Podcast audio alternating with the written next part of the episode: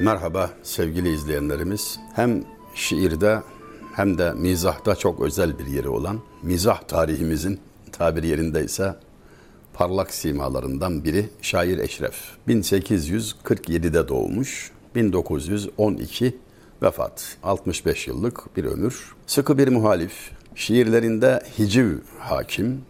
Dili biraz sert, hayli hatta epeyce sert ve bir miktar edep sınırlarını zorlayan ifadelere de yer vermiş. O yüzden kahve sohbetlerinde çokça yer bulmuş bir şairimizdir. Onun talebesi diye anılan şiirde onun tilmizi, takipçisi kabul edilen Neyzen Tevfik ise bu hususlarda onu da geçmiştir. Boynuz kulağa geçti herhalde.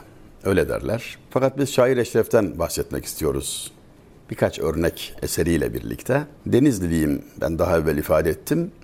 Çameli kazasından en güneydeki ve en küçük kazası. Kaza en kaza olmuş diyorum ben Çameli için ama bize en yakın olan 50 kilometre uzağımızda olan Garbi Karaağaç klasik ismini taşıyan şimdiki adı Acıpayam olan ilçede mutasarrıf olarak vazife yapmış. Bugün kaymakamdan yukarıda, validen aşağıda bir mevkidir.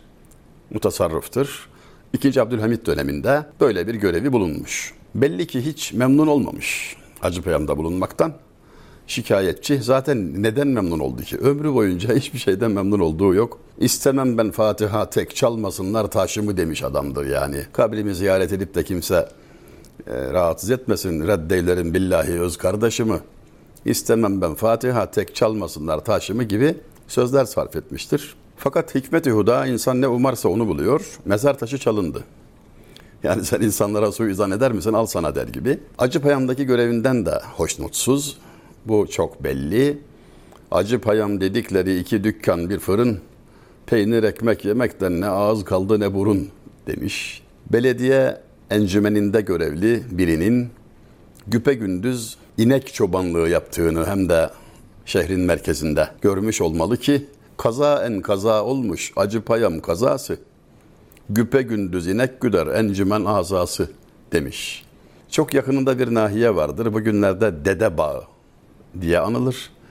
Klasik ismi yani yazılı olmayan ama halkın dilindeki hala kullanılan ismi Dedesil'dir. Orada yersiz yurtsuz bir takım insanların bir öküz keserek derisini yüzmek için dala astıklarını ve yüzerken yağ parçaları, belki et parçaları koparıp yediklerini görerek hele sen ve asıl çam dalına kesil de vallahi çimçi yerler adamı dedesil de diyen de odur. Velhasıl hayli nüktedan bir adam. Soğan soyulur, yaşarır gözler, devlet soyulur, aldırmaz öküzler demiştir. Tenkitleri hayli serttir, acıtıcıdır ama tabii delikanlı tabiatı olan bir adam. Yani Allah için onu da inkar etmemek lazım. Hükümet konağının tamire muhtaç olduğu bir durumda, bir dönemde merkeze telgraf çekiyor. O zaman çok seri bir iletişim aracı telgraf.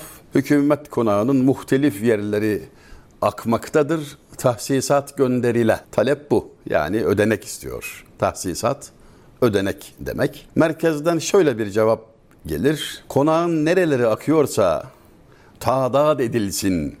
Tahsisat ona göre tensip olunacak. Yani belirtiniz, açıkça yazınız. Masrafı da ona göre belirleyelim diye. Nereleri akıyor binanın? Cevap tam da eşrefçedir. Musluklarından mada her tarafı akıyor.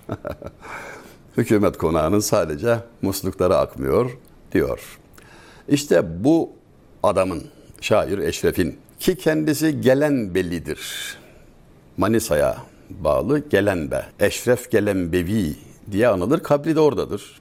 Orada vefat etmiş herhalde. Kabri orada 1912 dediğim gibi vefatı. Hayli dokunaklı ve hayatı sorgulayan, sorgulatan, insanın aczini de hatırlatan çok yakışıklı bir şiirini Kazancı Bedih'ten duymuş olmalısınız. Dört kıtadır. Kazancı Bedih merhum pek çok gazeli bitirince yaptığı üzere burada da iki mısra ile sözü bağlar ki gazelden bağımsızdır ve bir hayat dersidir.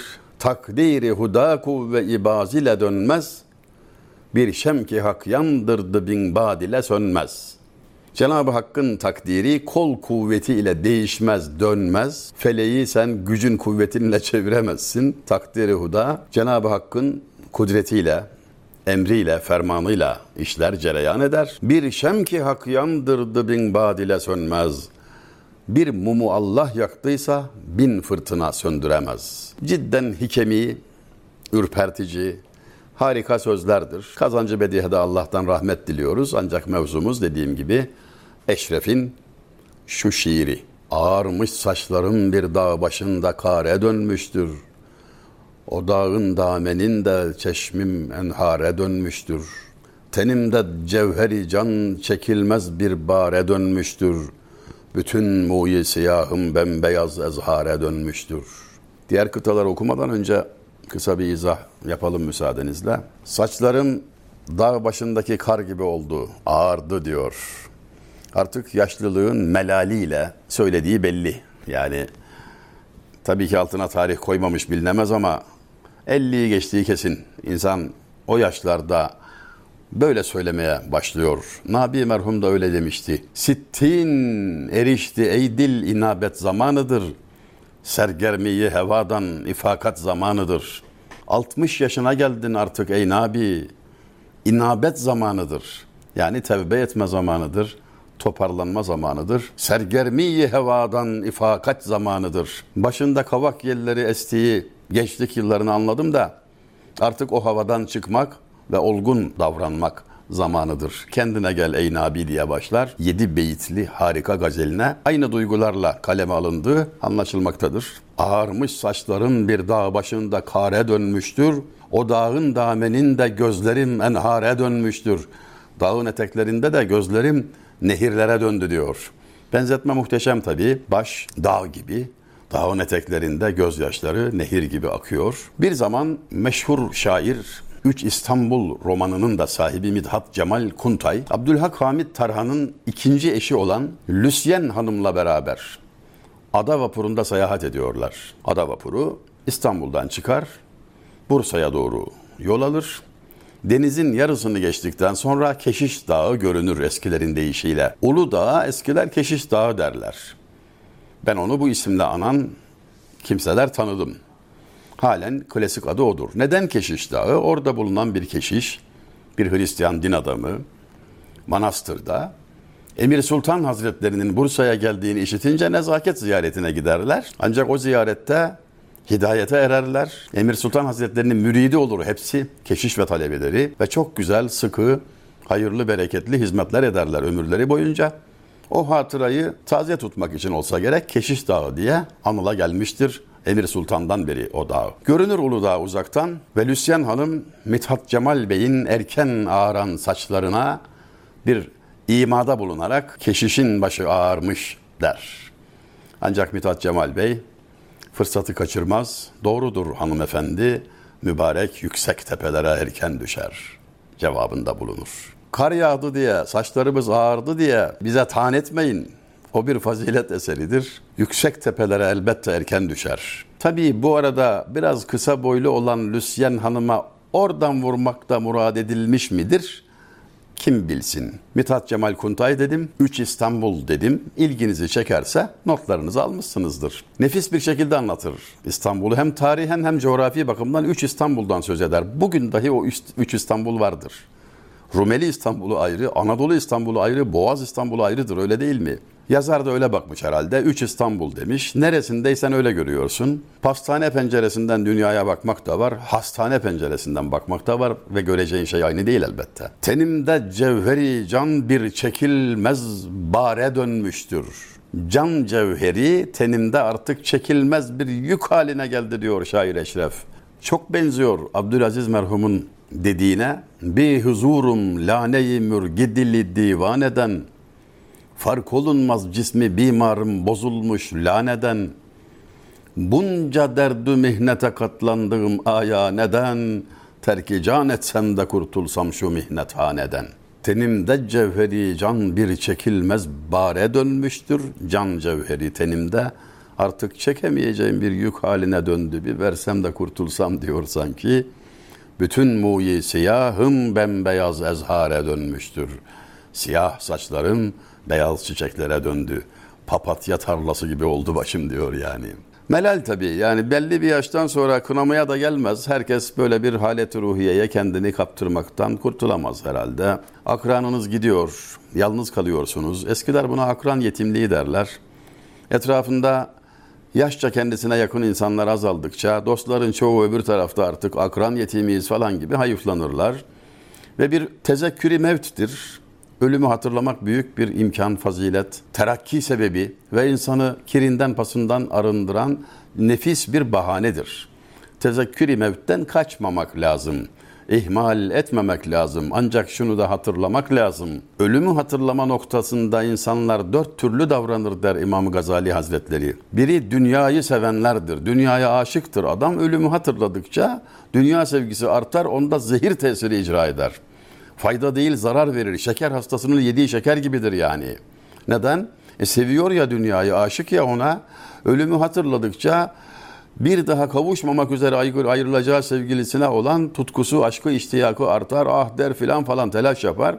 Yani ölümü hatırlamaktan beklenen hayır, menfaat, iyilik, feyiz hasıl olmaz. Tersine zehirlenir.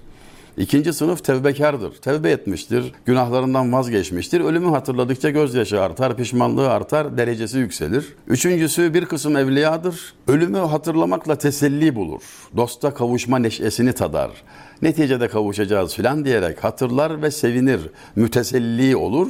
Dördüncüsü ise seçilmiş evliyadır ki hiç ne acele eder ne telaş eder, ne kaçar ne koşar. Yani Cenab-ı Hakk'ın takdir ettiği vakitte gidilecektir, rıza halindedir. Ne sağ olmak muradımdır ne ölmekten kaçar canım. Cihanda hastayı aşk olalı bir hoşça halim var demişti Taşlıcalı Yahya merhum.